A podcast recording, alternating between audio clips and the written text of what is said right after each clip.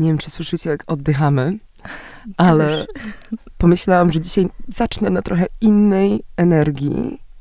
E, tu Zuzia w podcaście Call to Action, ale to już chyba wiecie.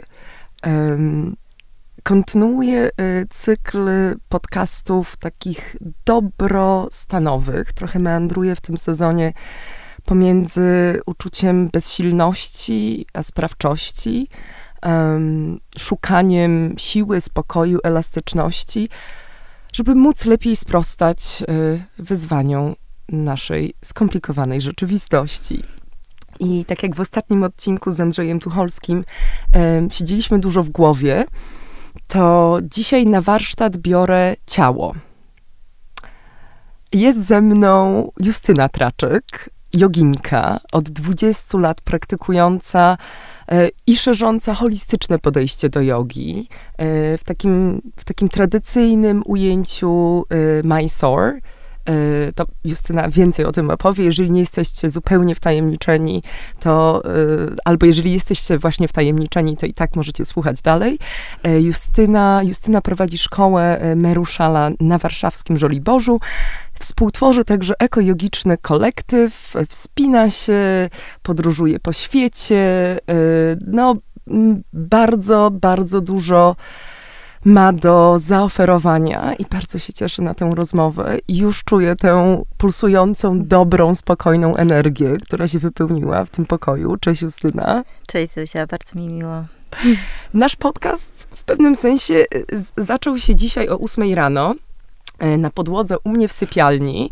E, nie odważyłam się jeszcze e, wstać na 6.30, żeby się pojawić na twoich, na twoich właśnie stacjonarnych zajęciach na Żoliborzu, ale i tak, no, udało ci się coś prawie że niemożliwego, czyli wyciągnęłaś mnie na matę o świcie. Wyszłam z mojej głowy mm, i trochę weszłam w ten rytm. I to mi się wydaje być taką absolutną po prostu siłą jogi. Myśl tak, e, znaczy totalnie trafia do mnie to, jak to opisałaś, bo rytm nadany przez oddech, angażujący naszą fizyczność, jest tym, co yoga nam oferuje, wraz jako już samo w sobie takie narzędzie do regulowania siebie, do zarządzania swoją energią, do mm, takiego bycia blisko siebie, bo Poczułaś to też pewnie, że takie przeniesienie uwagi na oddech, na mhm. coś takiego z naszej fizyczności, wejście w głąb, na czegoś tak magicznego w pewnym sensie, jest e, bardzo kojącym stanem od razu. Więc, e, więc yoga rzeczywiście e, pozwala nam to wszystko odczuwać, przeżywać, zgłębiać właśnie w takim rytmie ruchu i oddechu, synchronizacji ruchu z oddechem i angażując ciało, angażując naszą fizyczność,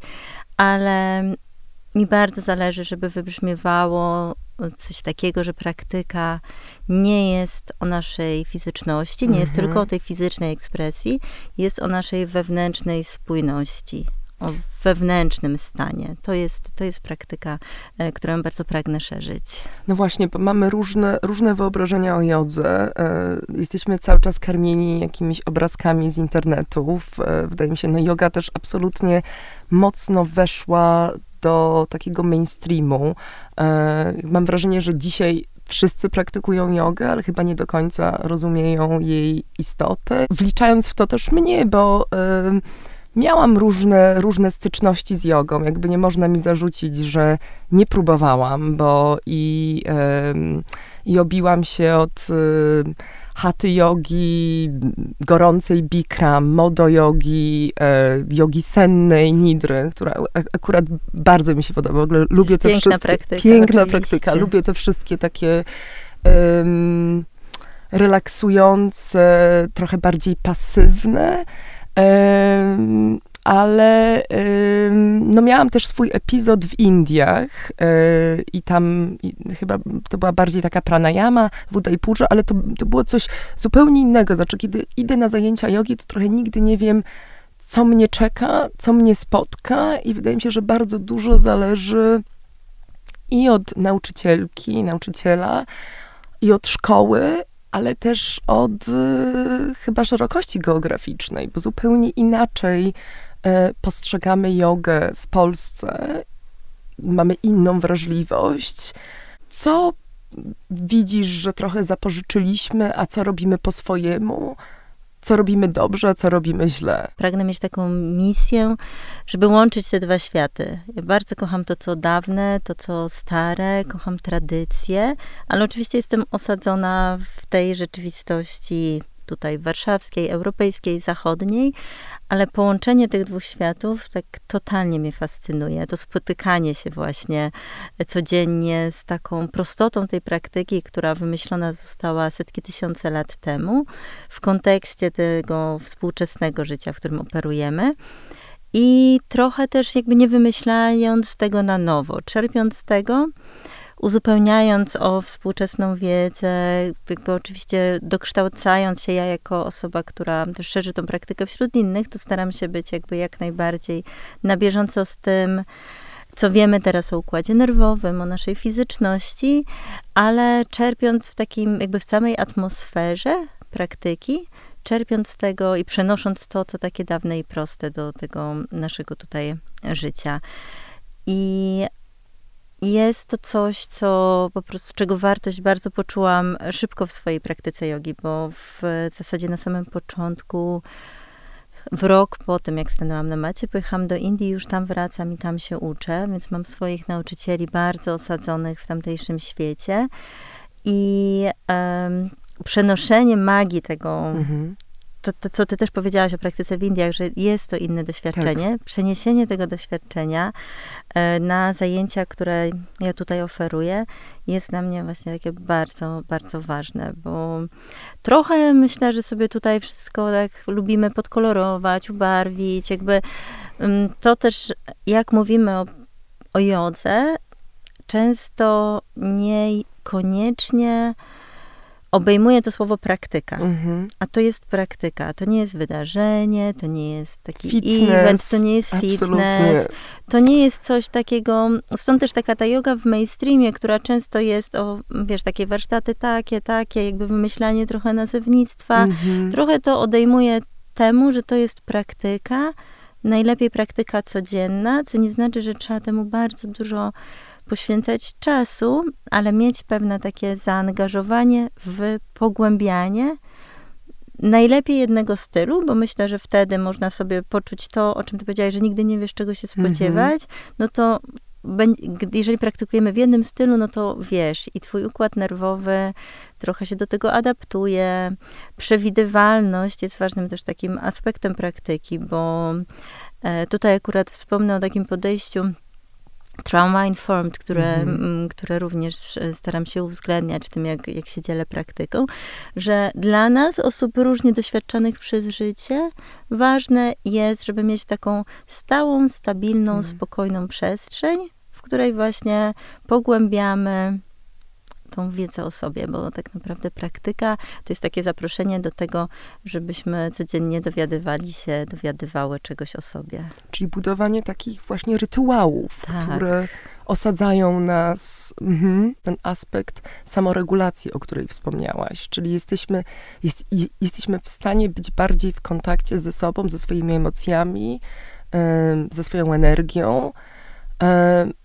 No i jak to też wpływa na to, jak funkcjonujemy w ogóle właśnie w społeczeństwie. Jeżeli będziesz taką jedną joginką, która jest otoczona sfrustrowanymi ludźmi, którzy nie mają swoich rytuałów, nawyków, czy nie czujesz czasem, że po prostu odbijasz się od ludzi nieuświadomionych i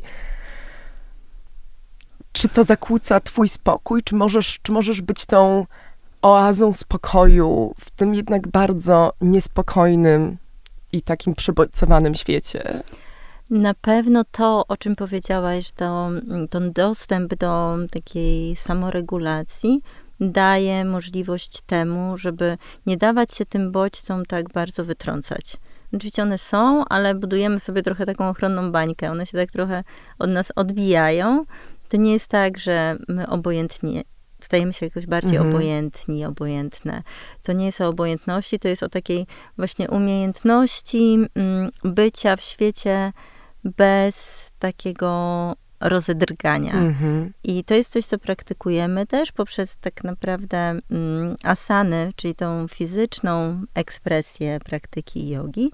Możemy dotrzeć do takiej jakości, i tu chciałabym obalić jeden mit w międzyczasie, bo często mówi się o jodze jako o praktyce relaksu i rozluźniania, wspierania elastyczności. Mhm. Otóż tak naprawdę w zaangażowaniu w tą, w tą fizyczną część poprzez pracę w asanach, my jednocześnie pielęgnujemy owszem spokój, ale nie chodzi o to, żeby nasz układ nerwowy był w takim wiecznym stanie, wiesz, relaksu i mhm. rozluźnienia. To jest piękna umiejętność i obyśmy miały do tego dostęp, ale my potrzebujemy też takiego zdrowo działać, po mhm. prostu zdrowo reagować na świat.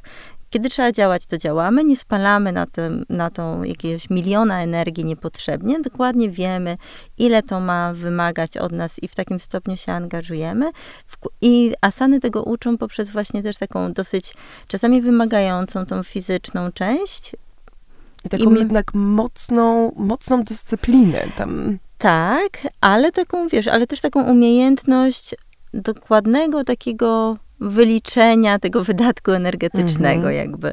Żeby, że robiąc jakieś tą fizyczną, mm, to fizyczne ćwiczenie, asanę, nie napinamy się, nie po prostu nie sztywniejemy, nie robimy tak, żeby po prostu to się udało za wszelką cenę, tylko podejmujemy taką łagodną próbę takiego zrównoważonego wysiłku, i to jest bardzo piękna umiejętność, która potem może przenosić się na życie i budować też takie większe pokłady kontaktu ze sobą, jasności, sprawczości w relacji ze światem, ale właśnie um, wracając do tego relaks i rozluźnienie, mhm. to nie, to jest jakby taka właściwa aktyw aktywacja na poziomie mhm. układu nerwowego, adekwatna do sytuacji i nie tylko rozluźnienie, ale też takie zintegrowanie fizyczne, z którym my idziemy w świat, bo ta nasza fizyczna ekspresja jest też no, czymś, czym operujemy w świecie, tak? Więc bardzo ważne jest to, jak, jak się w sobie głęboko mhm. tak czujemy.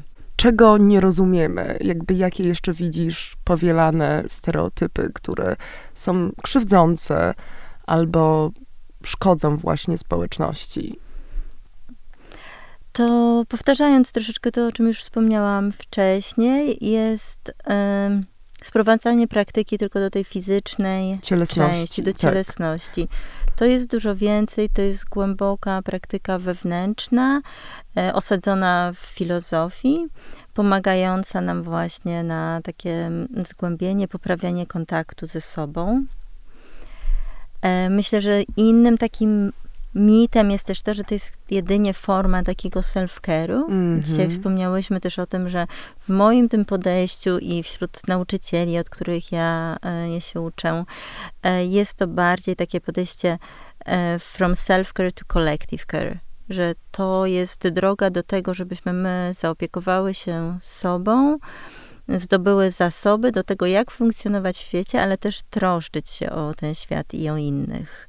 Więc nie jest to praktyka tylko o nas, ale o połączeniu ze wszystkim dookoła i znalezieniu e, w sobie takiej jasności, jak mogę być częścią rozwiązania sytuacji, w których, w których jestem, jak mogę, jak mogę poprawić jakość tego życia dookoła mnie, jak już poprawiłam to swoje. Mhm. W Stanach e, popularne są takie community classes, mm e, czyli każdy płaci tyle, ile chce, tyle, ile może. E, i, i, I też mam takie poczucie, że e, jednak yoga z tą swoją popularyzacją też została bardzo właśnie skomercjalizowana. E, trochę stała się takim luksusem. E, wokół niej została zbudowana cała branża odzieżowa, gadżeciarska. E, no też wybuch, wybuch pandemii i to, i to takie zatrzaśnięcie w domu tym bardziej przyczyniło się do w ogóle mody na jogę. I, I, jak znaleźć ten balans, żeby jakby włączać, włączać osoby, które może nie mają środków, nie mają dostępu, a chciałyby się zaangażować. Wiem, że y, ty masz doświadczenie praktykowania e, z kobietami, na przykład właśnie w areszcie. Jaką widzisz właśnie rolę jogi w tej takiej przestrzeni nieoczywistej i niekomercyjnej? Tu znowu powiem jednym takim hasłem, które jest mi bliskie, e, że to jak postrzegam ten zespół praktyk, którymi jest yoga, że to jest meditative and movement practice for personal and social change. I ten aspekt społeczny, ten takiej większej e, zmiany na poziomie społecznym, od dawna był mi bliski i myślę, że nawet od samego początku, bo ja po prostu to, co mnie rozkochało w praktyce, e, jak trafiłam na pierwsze zajęcia w życiu, to było uczucie tak głębokiego spokoju i takiej właśnie wewnętrznej spójności, która była dla mnie o rany. Niech każdy, kto to mm. czuje, po prostu mm-hmm. będzie tyle mniej cierpienia w świecie, jeżeli znajdziemy w sobie dostęp do, do, do tych cząstek siebie, często pozaburzanych przez różne doświadczenia życiowe. I właśnie ja sama zaczęłam szukać, jak mogę dzielić się praktyką z osobami, które oczywiście nie trafią na moje zajęcia. Mm -hmm. Nie byłoby to możliwe dla kobiet osadzonych w areszcie. Uczyłam też pacjentki um, um, onkologiczne um, zrzeszone wokół fundacji Rock and, Rock and Roll. I było to dla mnie takie bardzo ważne, żeby pokazywać, jak, jaki potencjał ma praktyka -hmm.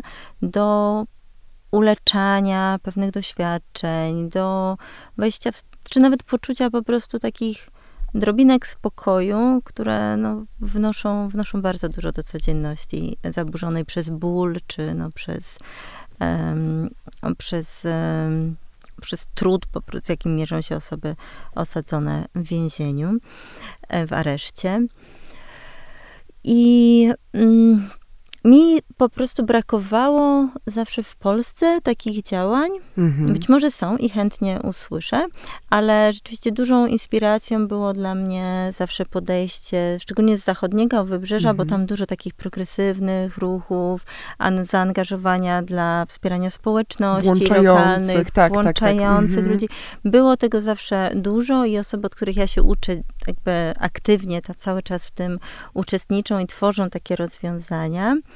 I jest to olbrzymia inspiracja właśnie do tego, żeby pokazywać jakby, dobrze, nie trzymajmy tego jako taki... Mm, luksusowy właśnie produkt, mm -hmm. który rzeczywiście pandemia bardzo, bardzo wzmocniła ten przekaz, a zauważmy ten olbrzymi potencjał praktyki jako po pierwsze dostępne. Tak naprawdę to są, my mówimy o bardzo prostych rzeczach. Mm -hmm. Mówimy o takim odżywczym ruchu, spokojnym oddechu, o poświęceniu chwili sobie i można tego, jakby to przekazać każdemu, tak? Tylko my, jako osoby, nie bardzo lubię mówić nauczyciel, nauczycielka, mm -hmm. bo to bardziej facylitatorka, mm -hmm. które, które nie wiem, jak to słowo jeszcze, mam nadzieję, znajdzie lepsze przetłumaczenie tak. w polskim języku. Troszkę to brzmi koślawi, no tak, trochę taka tak.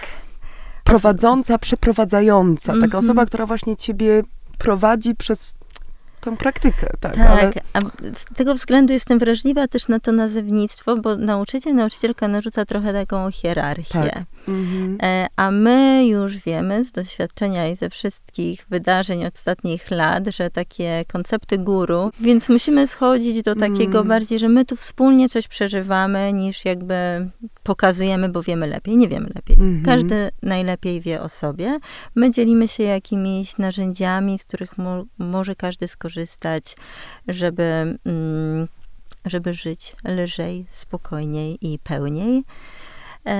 Ale właśnie jest to możliwe w każdym kręgach. Jakby nie trzymajmy tego do tylko takich właśnie studia jogi są wspaniałe. Ja sama osobiście mm, prowadzę swoje i, i uczę w świecie w różnych takich przestrzeniach, ale szerzenie tego, wychodzenie do, do ludzi, którzy może tak nie, trafiły, nie trafiliby do nas w pierwszej kolejności, jest bardzo ważną częścią tego, czym możemy się dzielić. I wtedy tak naprawdę rozkwita ta, ta pełna jakość. Mhm.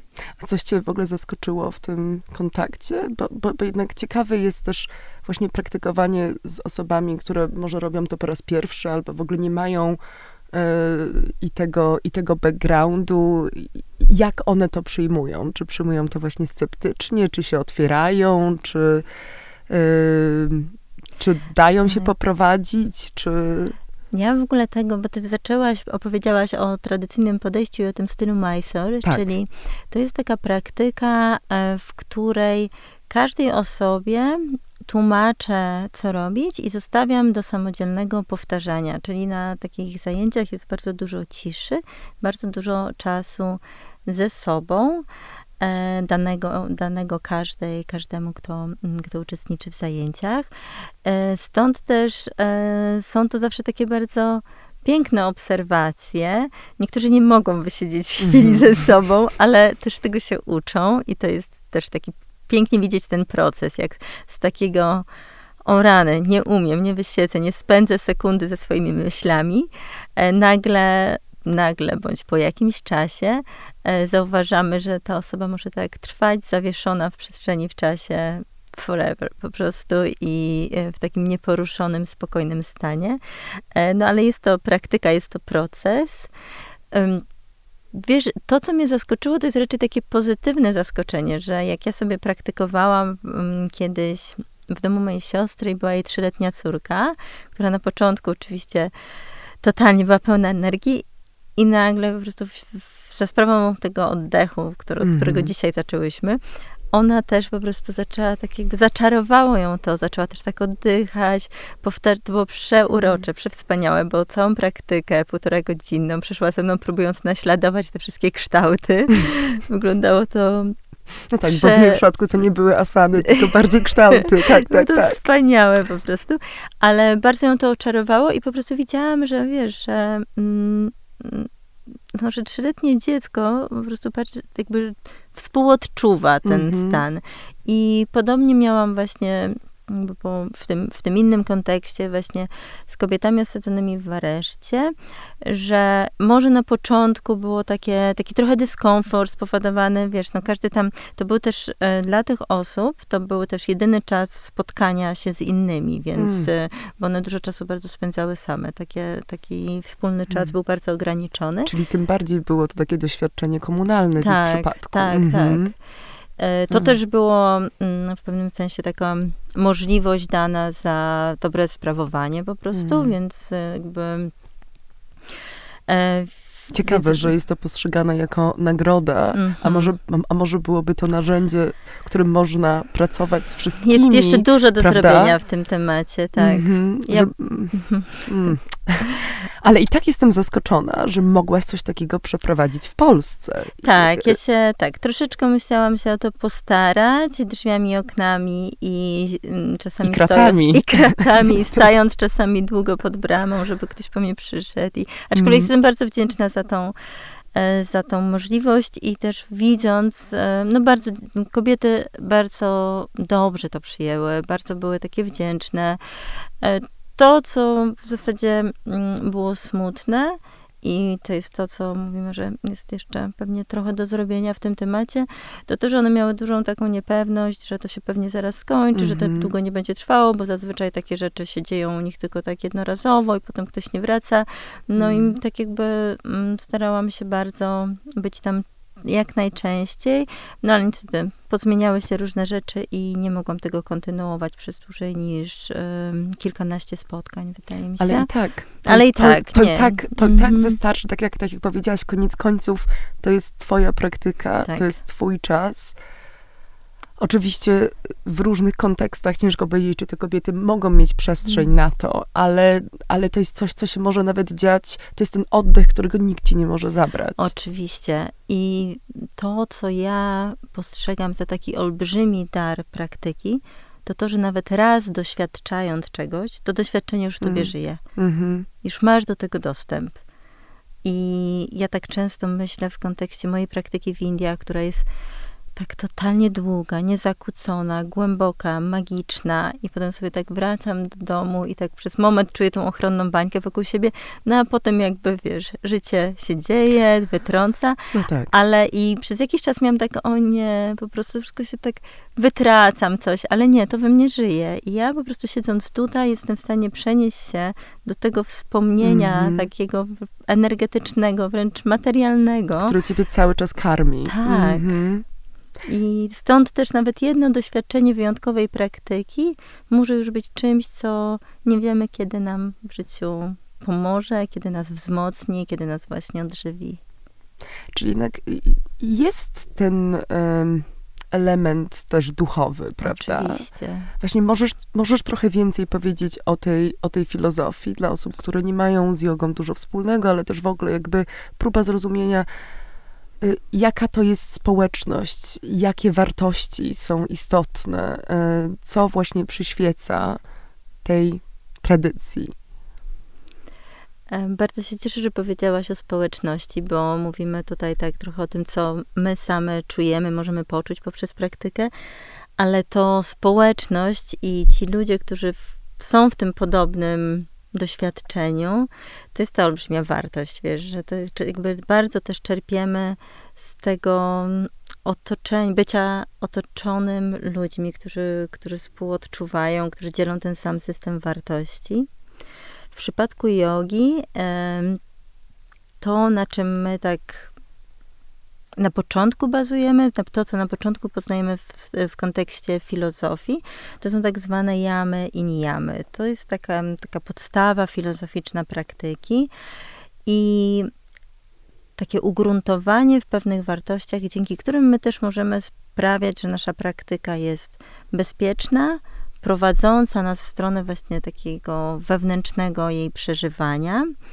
E, to jest praktyka, e, to jest też filozofia, dzięki której możemy odnajdywać często takie odpowiedzi na pytania, które powstają w środku nas na skutek właśnie zaangażowania się w praktyce. Mm, bądź są to czasami takie po prostu wskazówki do tego, jak żyć.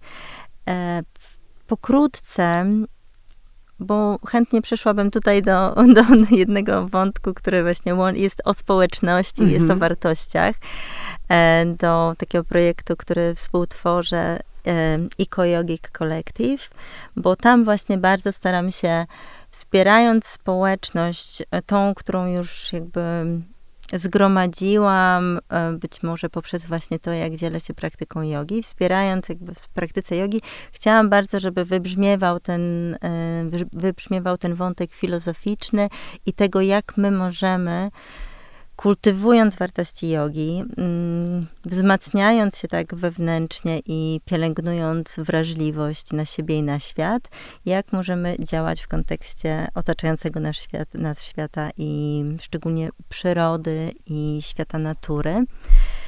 I wartości, które, mm, które tam często opisuję i do których wracam, mm, nazywając też konkretne problemy, właśnie, to jest na przykład Ahimsa.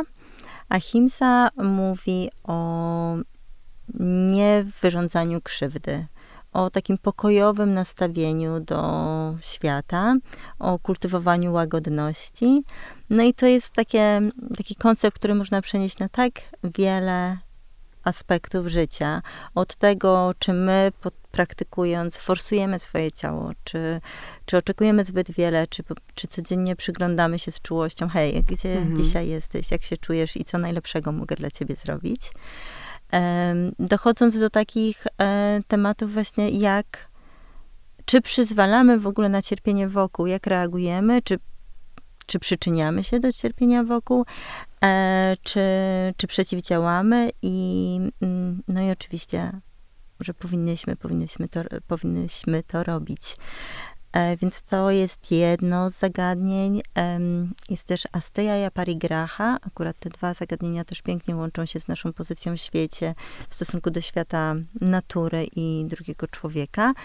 E, Asteja polega na tym, mówi o tym, żeby nie zawłaszczać, nie zabierać, nie kraść po prostu mm, tego, co zauważać, że są ograniczone zasoby mm -hmm. i, e, i żyć tak, kultywując taką jasność co do tego, co do umiaru, co do tego, co jest tak nam naprawdę w życiu potrzebne i, e, i wspierać tym po prostu naszą codzienność i nasze codzienne wybory.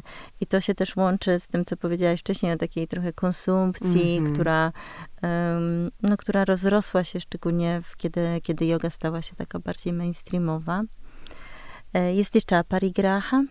która mówi o takim niegromadzeniu ponad to, co jest nam tak naprawdę potrzebne to, co, wiesz, to wszystko jest o tak zrównoważonym rozwoju. To są przecież mądrości, które mają ile lat? No, no są tysiące. Tysiące, tak. tyś, tysiące, czyli...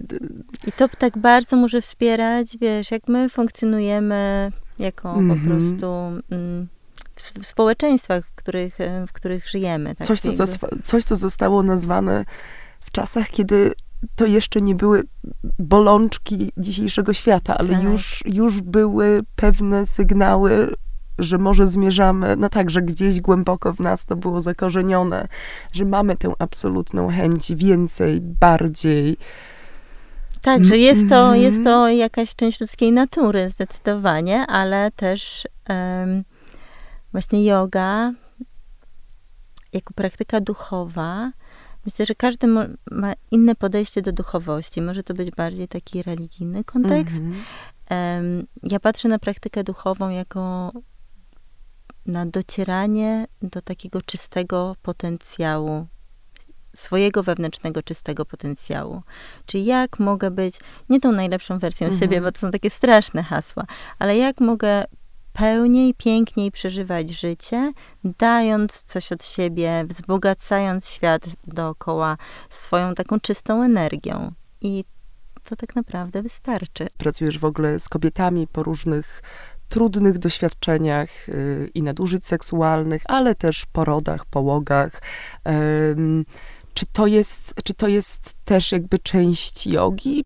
Praktyka hatha yogi oznacza praktykę, w której za punkt wyjścia traktujemy ciało i, mo, i dociekamy mądrości naszego ciała i uleczamy coś, zaczynając od naszej fizyczności. E, w praktyce Ashtanga Yogi mając, mamy takie serie, usystematyzowane asany w różne serie i pierwsza z nich nazywa się terapia jogą, bo zakłada, że my najpierw właśnie musimy uzdrowić tą naszą fizyczność, żeby w ogóle przejść do, tych głębszy, do takiej głębszej pracy nad sobą.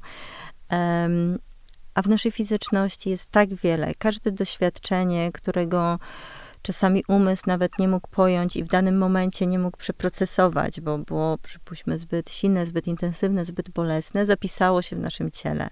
Stąd też bardzo często, kiedy praktykujemy asany, dotyk, doświadczamy takich emocjonalnych reakcji, które nawet, których nawet nie rozumiemy, bo wydaje się, że to jest tylko wiesz, tylko pies z głową w górę, albo tylko mostek, a nagle porusza nas to tak bardzo głęboko na niekoniecznie zrozumianym poziomie, ale mamy tą możliwość zrozumienia, nawet jeżeli nie takiego intelektualnego, to przeprocesowania tego w ciele za sprawą właśnie asan, za sprawą czasu danego w tych pozycjach.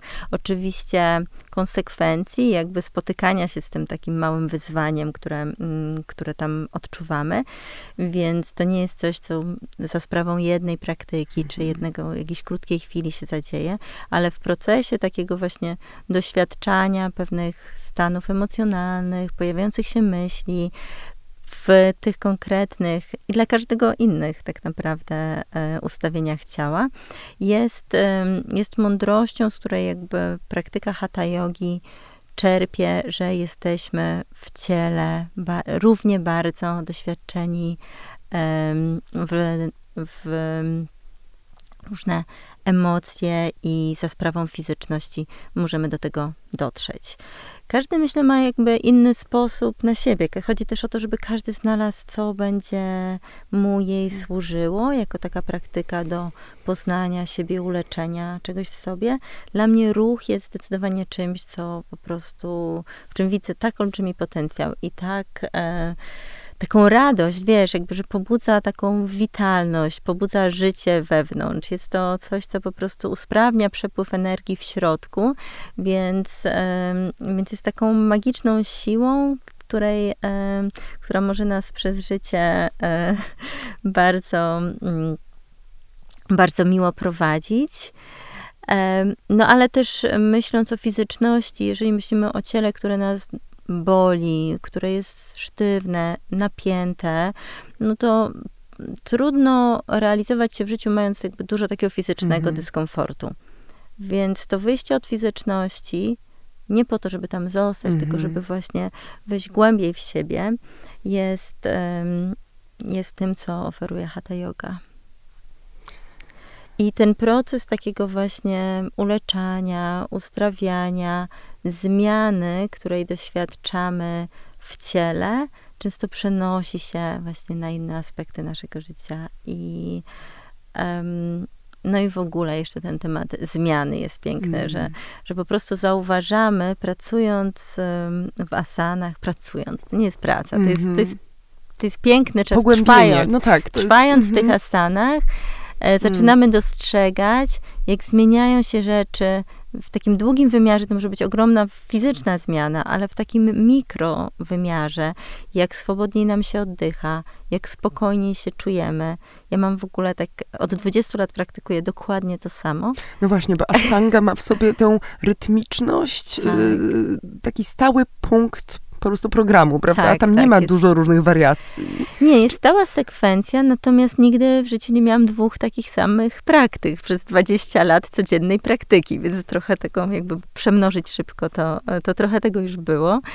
I, I właśnie codziennie podchodzę do praktyki z tak olbrzymią ciekawością, co, czego ja dzisiaj doświadczę, z takim staraniem też, że okej, w czymś, co już tak bardzo, bardzo dobrze znam, jak mogę się bardziej rozluźnić, wyciszyć, doświadczyć w ogóle siebie.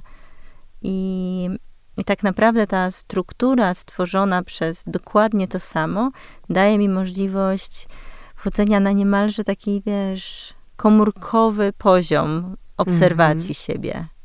To niewiarygodnie wspaniałe. Co jest takim największym wyzwaniem dla ciebie po tych, po tych 20 latach? Czy, znaczy, nawet nie tyle fizycznym, ale gdzieś takim emocjonalnym. Nie, wiesz, ja to po prostu kocham, naprawdę tak kocham praktykę, jakby codziennie wyglądam jej możliwości. I zaczynasz Wyzwaniem od jest tego dnia. niekoniecznie, nie. dlatego że często, najczęściej rano ja dzielę się praktyką z innymi, Mm. więc moja praktyka ląduje bardziej w środku dnia. Kiedy jestem w Indiach, to jest to pierwsza rzecz, którą, y, która się wydarza w mojej codzienności. Dlatego też tam wracam, żeby mieć czas takiej autentycznej, głębokiej praktyki tylko i wyłącznie dla siebie. Natomiast takiej właśnie codzienności, kiedy, kiedy pracuję, to zazwyczaj ja uczę rano, a praktykuję później. Natomiast em, chyba, wiesz, czasem najtrudniejsze jest dla mnie to, jak nie mogę rzeczywiście czasem zmieścić praktyki, bo taka zajętość codzienności po prostu jest, że dobra, Tetris, wiesz, już niepoukładany, więc, e, więc się nie wydarza. Myślę, że moim mm, takim trochę smutkiem, jeśli chodzi o praktykę i w tym sensie, wyzwa- w tym sensie wyzwaniem, jest to, że bardzo bym chciała, żeby, żeby wybrzmiewał mocniej ten aspekt, jak głęboka i holistyczna jest to praktyka. Żeby nie pozostawać przy tej powierzchowności, fizyczności, żeby nie spłaszczać tego przekazu. Ale też jednocześnie myślę sobie, że każdy potrzebuje czegoś innego, jakby yoga pomieści te wszystkie potrzeby i jeżeli dla kogoś punktem wyjścia i motywacją nie jest to samo, co dla mnie, to też okej. Wiesz. Dobro i tak się dzieje. Justyna, życzę ci, żebyś miała wspaniały czas, bo wiem, że wracasz y, zaraz do Indii, y, do swojego magicznego miejsca z y, osiołkami. Widziałam na zdjęciu do wspaniałej mistrzyni prowadzącej. Y, przypomnij jeszcze raz, jak mamy. Sharmila Desai nazywa się Sharmila moja Desai. nauczycielka. Tak. y, I miejsce znajduje się y, w stanie Goa, Tak. w Wioska nazywa się Morjim. Morjim. Tak, i jest to najprostsze z możliwych rozwiązań, jeśli chodzi o spędzanie codzienności. Życie na wiosce, praktyka rano, dealowanie z pająkami i komarami, 24 godziny na dobę, tak. proste cały czas. jedzenie Mm. i proste życie, bo to też jest o tym, że ta praktyka jest tak naprawdę prosta, a mm, i magiczna jednocześnie. I tak Mm. bardzo kontaktująca nas ze sobą, ale my do tego nie potrzebujemy jakiejś fancy otoczki. To, nie Mhm. jest, to nie jest o tym, żeby tutaj coś dodawać. To jest raczej, żeby odejmować i sprowadzać to do większej, większej prostoty i, I jakości. świadomości, i uważności. Mhm. Mm, absolutnie. I piękne słowa i cieszę się, że y, tym mniej, a więcej em, kończę czwarty sezon podcastu Call to Action i nawołuję to właśnie, do niczego nie nawołuję. Nic nie wołam, po prostu na chwilę wezmę głęboki oddech. Nie, oddech nie jest głęboki, prawda? Czy oddech jest, po, powiedz tylko na sam koniec, y, jak źle oddychamy, to jest bardzo ciekawe, bo ja się tutaj uczyłam oddychać od początku, czyli zaczynam z przepony, Tak, naszym mięśniem oddechowym jest przepona i zachęcam do używania tego mięśnia w jak największym e, stopniu i zakresie, bo bardzo często oddychamy górą klatki piersiowej, I to wciągając jest ten taki brzuch- głęboki oddech, że nam się Tak. wydaje, że jak tak wypchniemy klatkę piersiową do i przodu, i tak wciągniemy brzuch. Ciągniemy brzuch bo- i tak się napniemy, i będziemy tak trzymać, tak, i tak oddycham tak strasznie głęboko, że po prostu tracę, w głowie mi się kręci. Nie. To nie jest zrównoważona praktyka, to nie jest zrównoważony rozwój, a, więc pragniemy pielęgnować oddech, który jest spokojny, głęboki, ale taki odżywiający. Mhm. em, który ma w sobie pewien rytm nie na 100% i do zera, tylko po prostu płynie to sobie. Ja ci powiedziałam dzisiaj, że to jest jak fale w morzu, które po Mhm. prostu dobijają do brzegu, Tak. tak, e, cofają się i jest to takim, z taką miękkością i spokojem i prawami natury zarządzane, a nie stresem, który nas gdzieś tam dopada. A nie tym bezdechem. Tak. Dziękuję ci bardzo. Dzięki wielkie.